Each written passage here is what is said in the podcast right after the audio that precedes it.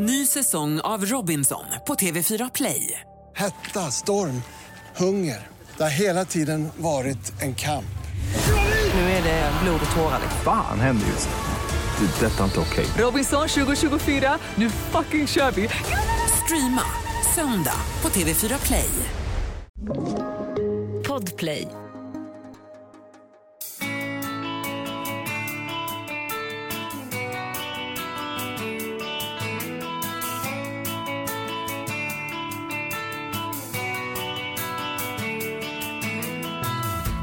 Hej!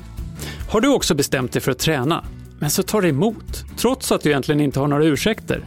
Du kanske till och med fått ett gymkort av din arbetsgivare, köpt nya träningskläder och har nya väldämpade skor. Men så blir det ändå inte av. Det här är ett typiskt dödläge som vi ska komma till rätta med idag. Jag heter Anders Wallensten, är läkare, folkhälsoexpert och författare. Och i den här podden pratar jag om hälsa ur ett evolutionärt perspektiv. Alltså hur vi människor är konstruerade, formade av andra villkor än de vi lever i nu. Och jag tänker att det finns sex nycklar till hälsa. Rörelse, sömn och mat är viktigt såklart, men också mina relationer, tankar och den omgivning jag lever i påverkar. Och jag tror jag kan få med mig dagens gäst på det här perspektivet. Jonas Kolting, du är triatlet och hälsoinspiratör och kan förstås väldigt mycket om just rörelse. Välkommen till Hälsogåtan. Tack så jättemycket. Jonas, du har varit i världseliten i triathlon och under många år inspirerat kring hälsa och träning och du är författare till böcker som bland annat Den nakna hälsan. Mm. Det är jättekul att ha dig här och såklart, det är perfekt att prata rörelse och träning med dig. Jonas, eh, kan du utveckla lite, vad innebär hälsa för dig? Men jag har ju haft ett eh, väldigt långt liv där träning har varit centralt. Och eh, min bakgrund är ju som tävlingsidrottare, precis som du beskriver. Jag började som eh, simmare när jag var i, min barndom. Var hyfsat medioker, var inte alls speciellt duktig. Faktum är att jag var, jag var den sista personen i min klass som lärde sig att simma. Och då, då är det ju bröstsim man ska lära sig, vilket jag var otroligt dålig på, fortfarande är faktiskt.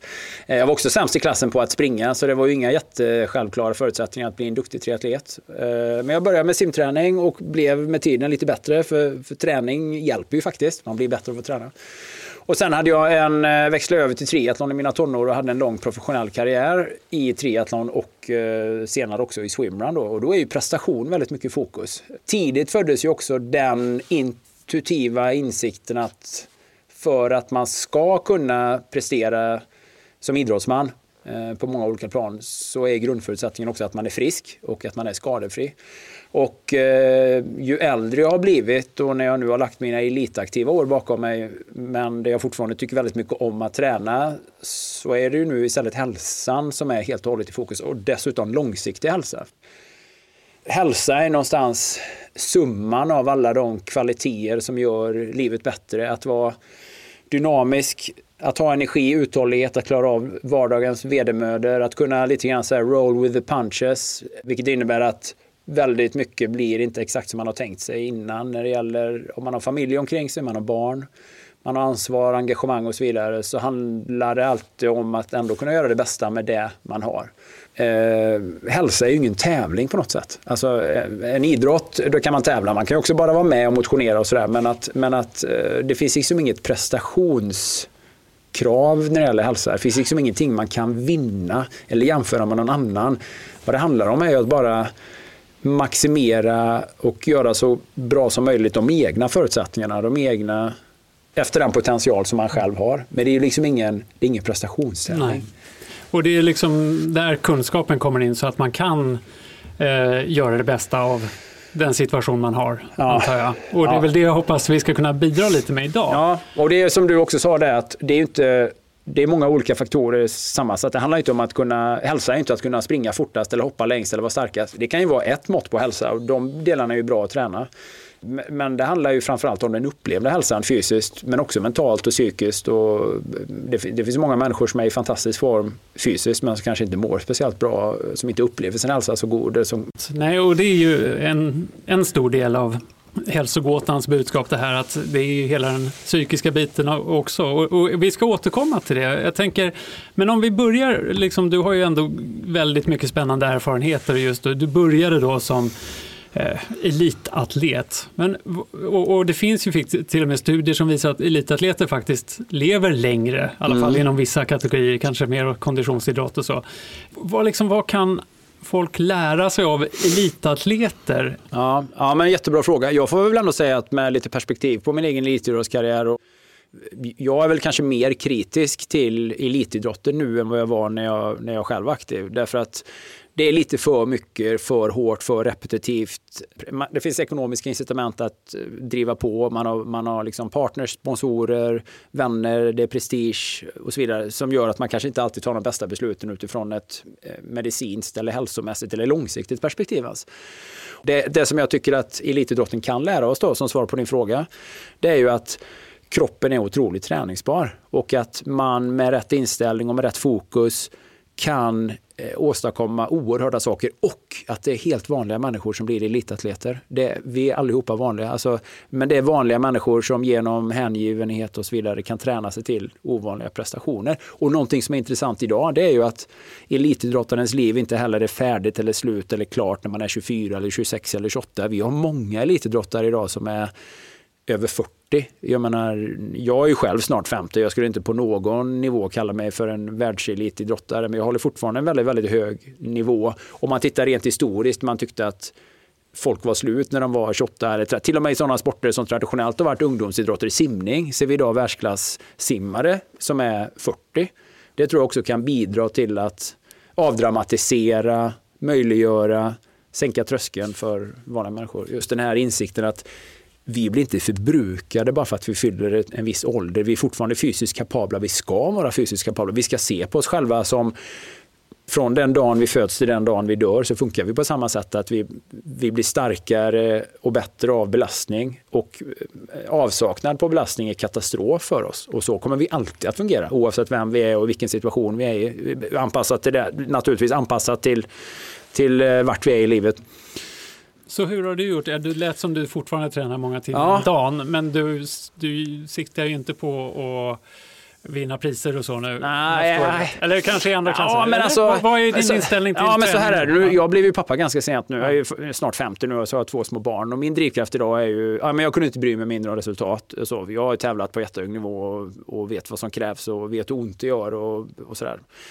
Mitt mål nu är ju att jag ska kunna köra swimrun med mina pojkar när jag är 65 kanske. Eller att jag ska kunna vara en förebild för dem. Jag skrev häromdagen på Instagram, jag vill ju inte bli en sån här trött eh, läktarpappa som står vid sidlinjen och tittar på mina barn. Jag vill ju vara med, jag vill vara delaktig, jag vill ju kunna jag vill ju att jag, jag, så länge som möjligt ska kunna vara starkare än mina barn. Att de, ska vara, att de ska se upp till mig. Jag ska kunna simma med dem och simma ifrån dem. Utmana dem och pusha dem. Ändå berömma dem. Men att jag finns där som en förebild som är med genom deras utveckling. En vacker dag så kommer de att simma fortare och springa fortare och vara starkare. Och det är underbart för så ska det vara.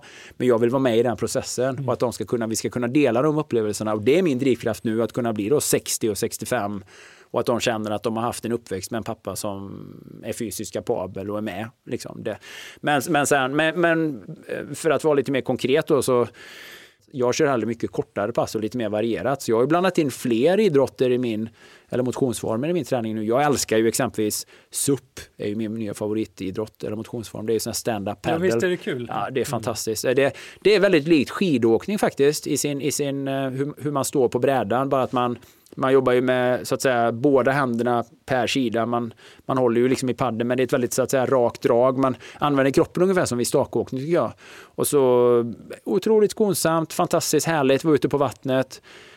Jag är ute varje dag på sommaren nästan och paddlar en timme och man kan köra jätteintensivt. Många tror att SUP är sådär lite turistträning, men det är det inte. Man kan ju köra jättehårt. Och så älskar jag att köra skidåkning på vintrarna och sen så jag, jag simmar fortfarande, jag cyklar, fast jag cyklar mer mountainbike. Jag springer. Fast det är väl det jag har haft störst problem med nu när jag blir lite äldre. Jag har haft lite problem med höft och sådär. Eh, alltid haft lite problem med min rygg. Men jag springer väldigt mycket barfota på gräs och då blir löpningen som allra bäst. Ja, men jag försöker vara väldigt öppen. Jag, jag tränar ju hellre tre stycken separata aktiviteter på en dag, 40 minuter vardera och gärna sprida ut dem på dagen för att få det här ofta aktivitet. För jag menar, jag, hur, hur, hur, man än ser på det, tränar jag tre timmar på en dag så sitter jag ju på rumpan 13 timmar. Så, så att man får ändå, du vet, det är ändå intressant att folk kan tycka han tränar varje dag, han är, han är träningsgalen, det går inte att relatera till honom. Men hur, alltså, man sitter ändå på rumpan väldigt mycket mer än vad man är fysiskt aktiv. Hade jag sagt att jag tränar 13 timmar om dagen och satt på rumpan 3 timmar, ja men då hade det varit anmärkningsvärt.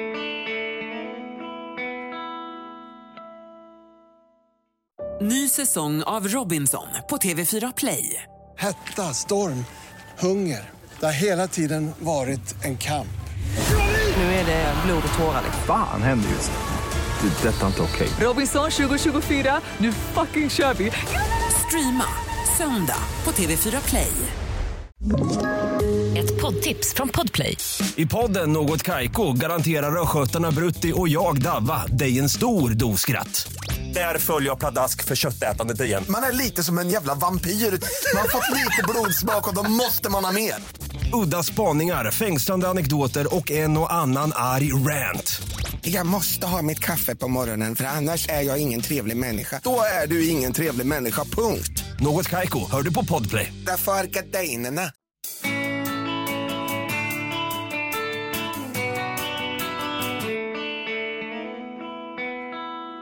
Men kör du alltid hårt? Det låter som att det ändå är ganska hög intensitet. Nej, men det gör jag inte. Jag kör väldigt sällan den här träningen som man får kalla för plågsam. Om du tänker dig traditionell intervallträning. Man känner liksom att det gör ont. Eh, så. Det hårdaste passet jag kör varje vecka, det jag kör stavgångsintervaller i backe. Att bara gå upp för en brant backe och släpa sin kropp, det är tufft alltså. Så jag kör det i Borås, vi har en backe som är 100 510 höjdmeter och det tar ja, fem minuter att gå upp. Det är en fantastisk tröskelintervall och så joggar man ner. Och, eh, och det, det, är inte, det känns inte så intensivt för att man går ju, men det blir väldigt hårt. Men det är inte det här, jag har absolut inget krav att jag ska köra hårt. Jag är, jag är väldigt, väldigt ödmjuk. Jag är nöjd att jag kommer ut, jag är nöjd att det går bra. Har jag bestämt att jag ska springa 40 minuter och det blir 20 så får man liksom vara nöjd med det. Så, Hur, hur mycket tar in naturen? Tänker jag. Jättemycket. Ja. Asmycket. Alltså, det är ju den primära drivkraften. Tystnad. Nu lyssnar jag visserligen en hel del på podd och sånt där för jag, och jag tycker inte det stör. Ibland lyssnar jag på mu- musik. Men jag tar ändå in väldigt mycket intryck av naturen och jag tycker om också att ha väldigt lite kläder på mig då. Alltså jag har ju shorts på mig året runt när jag tränar, till och med på Nattvasan hade jag shorts på mig. Men det, och det är för att jag fryser faktiskt inte om benen, ever, ever. Men, jag- men jag, tycker om, jag tycker om det här väder och vind, jag tycker om att frysa lite grann när jag startar. För nästan alltid blir man varm och jag tycker det finns någonting härligt och ja, det får inte vara dumt. Och jag, tycker inte, jag skulle aldrig stå och vara kall efter jag har tränat. Men jag tycker gärna om att ta av mig kläder så fort det är liksom rimligt, springa med bara överkropp. Alltså det finns en frihet i det som är väldigt härlig på något sätt. Och springa barfota och det är som kontrast till det här vanliga livet som vi alla har väldigt mycket av idag. Att sitta ner inomhus, det är en dataskärm, det är en mobil. Då blir den här naturupplevelsen så mycket viktigare.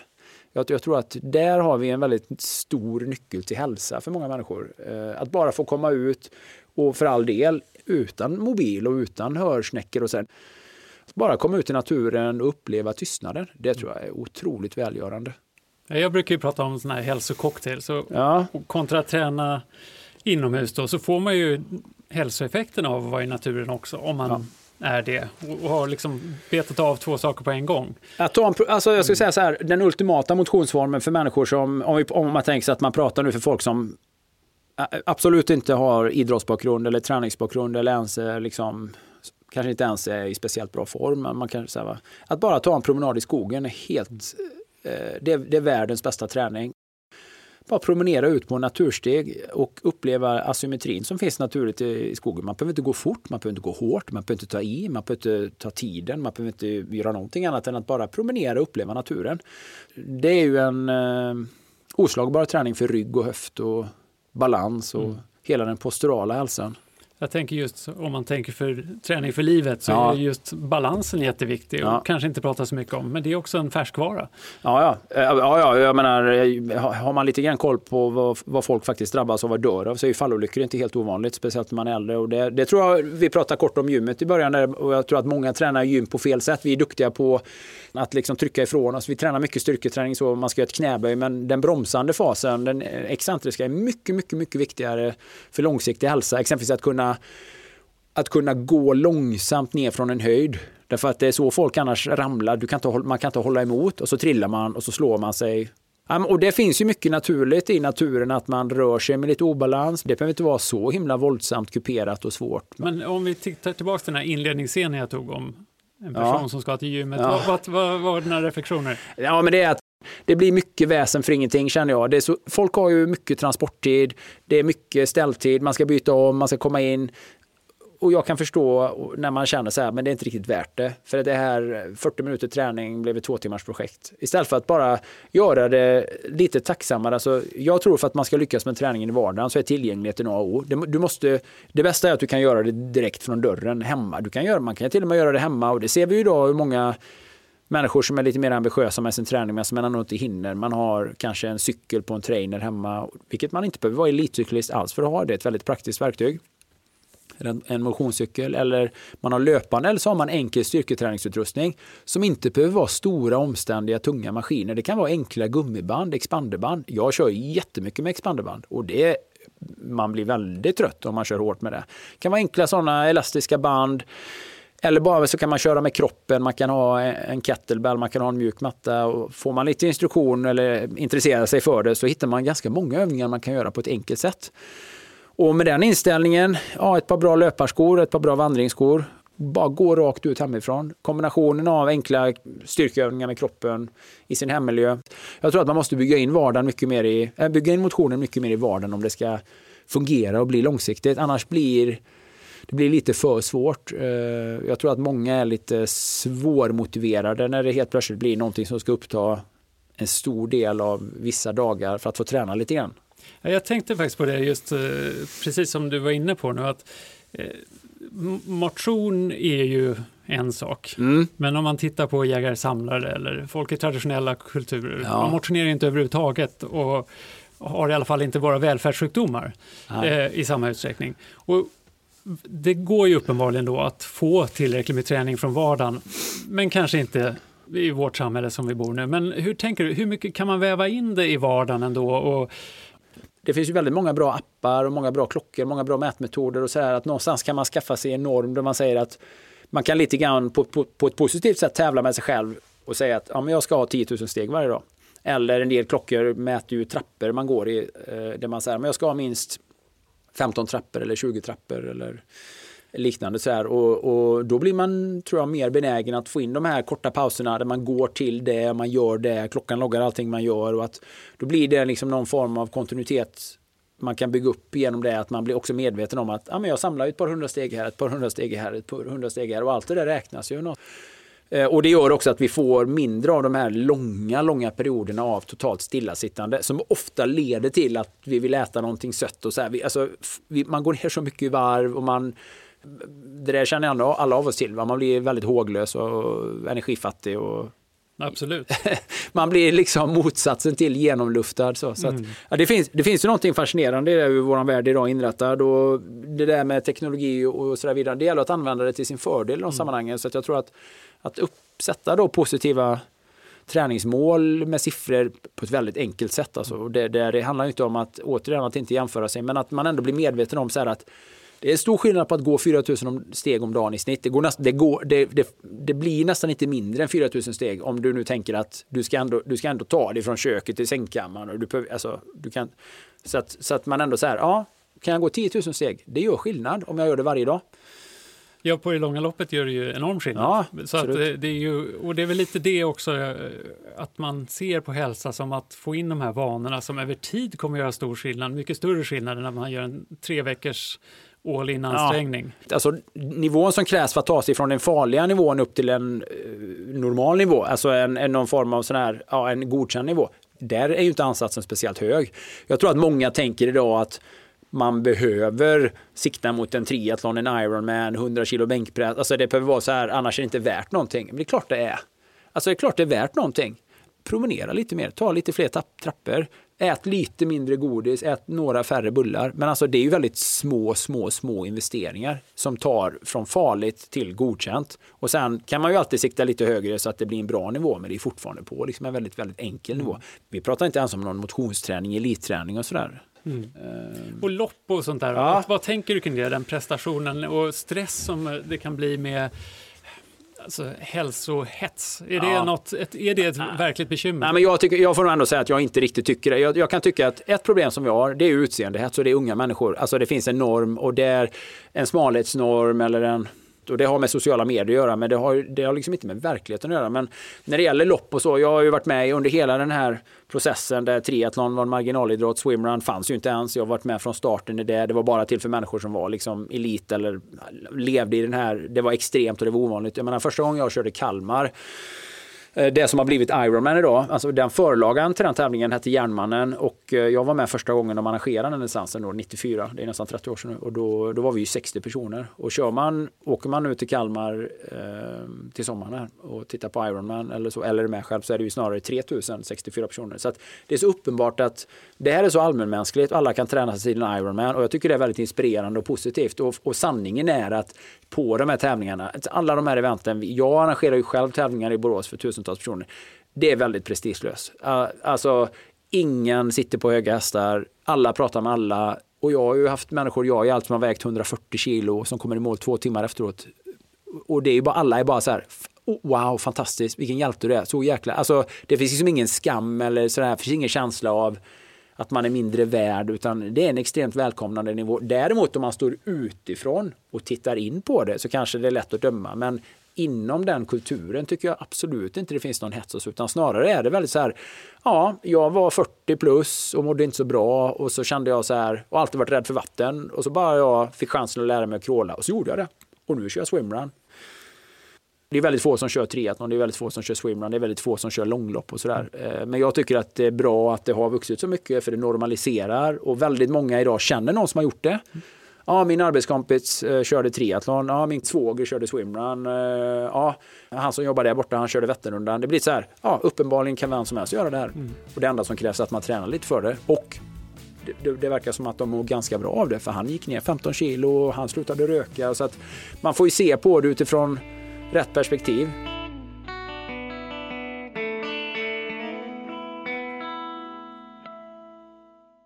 Ny säsong av Robinson på TV4 Play. Hetta, storm, hunger. Det har hela tiden varit en kamp. Nu är det blod och tårar. Fan händer just det. det detta är inte okej. Okay. Robinson 2024, nu fucking kör vi. Streama söndag på TV4 Play. Poddtips från Podplay.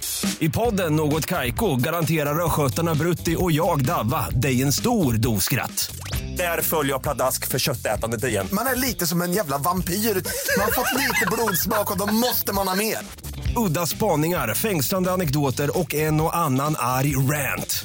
Jag måste ha mitt kaffe på morgonen för annars är jag ingen trevlig människa. Då är du ingen trevlig människa, punkt. Något kajko, hör du på podplay. Därför är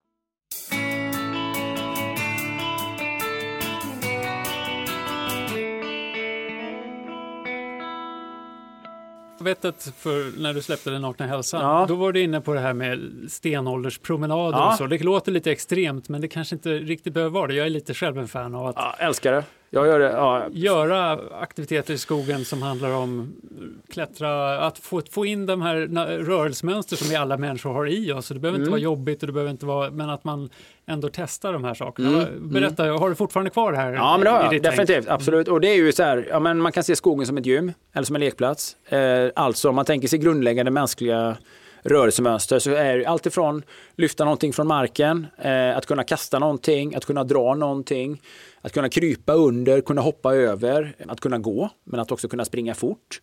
Kanske ja, slå någonting om man tänker sig slägga, lyxa, att kunna klättra uppför, ja, hoppa långt, gå balans, pressa, trycka, dra. Alltså det finns ju jättemånga olika rörelsemönster och allt det där finns ju i naturen. Och det finns ju stenar och stockar och eh, saker liksom att använda som naturliga hinder. Och det blir ett jäkligt härligt träningspass. Antingen kan man ju bara köra en ganska, om man tänker sig då en lite, i lite vildare terräng, promenad, ta sig fram. Man kan gärna vara två, man kan köra lite följa John. Någon kan vara så här, lek, nu, så här, okej nu leder jag och då är det så här, kryp, och då får man ju ibland bara konstruera, ja men nu kryper vi lite här, nu, nu går vi här. Över, under, klättra, trycka, dra. Lyfter vi det här fem gånger, nu tar vi den här stenen och stöter ifrån oss fem gånger. Hoppar vi jämfota över. Alltså det blir otroligt bra fysträning. Människan är ju i stort det enda, egentligen, i stort det enda djuret som har liksom glömt hur man förhåller sig till sin naturliga miljö. Så där att naturligtvis biologiskt har vi ju det i oss att kunna häva, åla, trycka, krypa, lyfta, pressa. Så här, men, men väldigt mycket använder vi inte de egenskaperna eller tränar de kapaciteterna så, så försvinner de. Så jag tycker det oerhört härlig träning. Jag gör det så ofta jag kan. Jag är ute i naturen och rör mig. Jag går gärna då med ganska såna här tunna skor. Det fanns ju såna här Vibram-skor som var väldigt populära. Och fördelen med det är ju att och det, jag menar inte att man ska, behöver inte springa med dem, men bara att gå med dem. Det är ju att foten får ju den här sensoriska inputen, det, det, det man har väldigt mycket i sina fötter. Det är därför man genast känner av om någonting är vasst så här, och då, man anpassar sin teknik. Men man får väldigt mycket fotstyrka ifrån det. Mm. Och fotstyrkan går ju upp i knän och höfter och rygg. Man blir stark hela vägen. Så att eh, det, det är en väldigt rolig träningsform. Det är som väldigt extremt prestigelöst. Den är nästan inte ens mätbar. Alltså det är svårt att hitta någonting på Garmin-klockan som korrelerar med det här. Ja, den är svår att, att mäta ja, också ja. om man är ute i skogen. Men samtidigt efteråt känner man sig trött. Eller i alla fall ofta ja. väldigt generellt trött på ett intressant sätt ja. som jag inte upplever om man kör mer de här statiska eller de här Nej. mer fokuserade eh, rörelserna. Och det som, är, det som är grejen är att du kan få in väldigt många rörelseformer. För mig är ju hälsa en, liksom en helhet där rörelse mm. är en del. Och vi har pratat mycket om rörelse idag. Men om man tänker det här med relationer, omgivningen, sömnen och, mm. och det här. Om du ser på det perspektivet, vad, vad, vad, tycker du, hur väver du in det här? Eller hur, vad, vad vill du trycka på som du kanske tänker har varit extra viktigt i din karriär? Ja, men jag, jag får ju säga att jag funderar mycket på de här frågorna just nu Anders, därför att jag ja, är nybliven pappa, två barn, familjen har vuxit, mycket ansvar och då blir det ju så här, helt plötsligt måste man prioritera väldigt mycket mer. Som elitidrottare var mitt liv ganska enkelt, för jag hade väldigt mycket tid. Mm. Och så, men nu är det ju väldigt mycket så här att hitta, alltså vad är egentligen viktigt? Och då landar man också i det att behöver kompromissa lite grann här och där. Men jag tror att ett centralt ord i allt det här är ju liksom menings, meningsfullhet. Att det man gör är meningsfullt och tillfredsställande. Jag tror att det finns en sån här föreställning om att väldigt mycket ska vara roligt eller kul och att det ska vara betyget eller anledning till att göra någonting. Men har man små barn så vet man att det är långt ifrån roligt eller kul många gånger. Det är, det är faktiskt ganska hårt. Men man gör det och man gör det så bra man kan därför att det är oerhört meningsfullt och det är också tillfredsställande. Och jag ser på samma sätt med träningen och med allting det här. Och det förutsätter ju någonstans en, liksom en helhet i det. Jag hade önskat att jag hade kunnat kolla på mer serier kanske för jag tycker det är intressant. Jag hade önskat att jag kunde kolla fler dokumentärer, läsa fler böcker. Men det får, alltså, jag behöver sova på nätterna. Jag mm. önskar att jag hade kunnat vara mer produktiv och jobba bättre, fullfölja idéer. Men, men det kommer alltid finnas mer och mer och mer. Men jag menar, vad är viktigt på sikt? Nej, men det är ju att jag gör saker med mina barn regelbundet. Att jag finns där för dem och att jag tar hand om mig själv. Vilket ju inte då får betraktas som själv. Alltså det är viktigt, mm. tror jag, många går runt med dåligt samvete hela tiden. Och det, är man förälder så gör man alltid det. Mm. Därför att det finns alltid någonting och, det, och då är det lätt att använda det som en ursäkt att inte träna. Men det finns ingen gräns uppåt för hur mycket man kan göra för sina barn. Eller vara med dem eller lära dem. Men man kan inte vara där 24 timmar om dygnet och hålla dem i handen. Det är inte bra för någon. Det är inte, framförallt inte bra för barnen. Så när jag går och tränar så vet jag det att ja, jag tar tid ifrån mina barn just nu. Men de kanske ändå gör något annat. Men för att jag ska vara den personen jag behöver vara för dem så måste jag investera i det. Jag, behöver, och jag kan inte vara uppe på natten och jobba. För jag behöver, ju, mm. jag behöver ta hand om mig själv. Jag kan inte slarva med maten i längden. Mm. Lite grann, absolut. Men på det stora hela måste jag ju ha en strategi för det här. För att jag ska liksom kunna växa med och vara en tillgång för familjen. Och vara, det låter ju väldigt klyschigt så att vara sitt bästa jag, men det ligger mycket i det. Mm. Och det vet ju alla skillnaden. Alla som har så här, okej okay, jag sköter mig bra, nu slarvar jag, jag sköter mig bra, slarvar. Man vet, jag känner skillnad direkt. Alltså för, mig, för mig är det otroligt tydligt. Äter för mycket godis eller slarvar med maten, slarvar lite med träningen, låter stressen komma lite närmare, dricker mer alkohol. Det, mm. sover lite sämre. Det är ju rakt ner i källaren. Men kanske att det du uttrycker är att om man har ett mål som ger mening så kan man stå ut med lite obehag ja. på vägen dit. Så ja, säga. men alltså det är tufft att ställa klockan sju för att komma ut och springa innan och göra det. Ja, men det är en tröskel där på tio minuter. Drick en kopp kaffe, kom ut. Ja, pang. Mm. Och så, så att jag, så en, en bra praktisk strategi, konkret strategi i verkligheten, det är att försöka vinna, liksom lite, det som jag kallar att vinna första setet på dagen. Och det är så här, planera för träning direkt. Låt inte liksom livet äta upp en tidigt. Alltså, gör det du behöver göra för att komma igång tidigt. Om det är så att ja, men jag behöver min sömn, ja, men gå och lägg dig en halvtimme tidigare då. Och någonstans kompensera det lite grann ändå där att, att bara kommit upp och gjort så här, det behöver inte vara ett monsterpass, det behöver inte vara att springa 15 kilometer, utan var så här, jag kom upp, fick 20 minuter motion. Jag kom ut på 5 fem kilometer promenad. Jag sprang en mil, vad det nu är för nivå man håller. Men då, då har man vunnit. Och det är otroligt mycket värt resten av dagen. För då vet man att då hanterar man de här oförutsedda. Jaha, nu ringde de från förskolan, var tvungen att hämta. Nu var det där, fick jag steppa in där, fick jag inte gjort det jag har ändå vunnit. Jag har ändå liksom gjort det jag behövde göra för att vara lite grann den jag vet att jag vill vara. Liksom. Så att, det är också en sån här strategi att aldrig tillåta sig att ja, det blev en dag med en stor nolla. Jag gjorde ingenting nyttigt för min hälsa. Jag tänker ta två glas vin nu för att det är så jävla trist allting. Liksom, Man behöver ha den kicken. Nej, jag vann där, pang, och så, så att det inte blir så här att man hamnar i en negativ cykel med offerkofta lite grann sådär. Det kan vi alla känna igen att vi hamnar i. Vi tycker lite synd om oss själva. Jag lyckades inte med det. Jag nådde inte upp till den bilden av vem jag vill vara. Men då får man liksom så här, okej, okay, resetta och så börja om. Vad är viktigast? Jag tycker det är fantastiska ord att avsluta på egentligen. Så att, stort tack för att du kom hit Jonas. Jättekul att, att prata med dig. Och, Jättetack för inbjudan. Eh, ha det så gott och det ett nöje. fortsätt träna. Det ska jag göra. tack. tack. Det här var tredje avsnittet av Hälsogåtan. Hela säsongen hittar du på gratisappen Podplay. Annars nytt avsnitt varje tisdag där poddar finns. Nästa gång ska det handla om stress och vad det kan göra med vår hjärna och vår kropp. Hedvig Söderblom är hjärnforskare, men hon delar också en erfarenhet med väldigt många. För ett par år sedan gick hon in i väggen och fick utmattningssyndrom. Och det ska vi prata mer om nästa gång. Jag heter Anders Wallensten, producent är Lisa Tallroth och för klippning står Mats Liljenberg. Tack för att du lyssnat. Hälsogåtan är en podd från Bonnier Fakta. Podplay. Ny säsong av Robinson på TV4 Play. Hetta, storm, hunger. Det har hela tiden varit en kamp. Nu är det blod och tårar. Fan händer just det. Det är detta inte okej. Robinson 2024, nu fucking kör vi!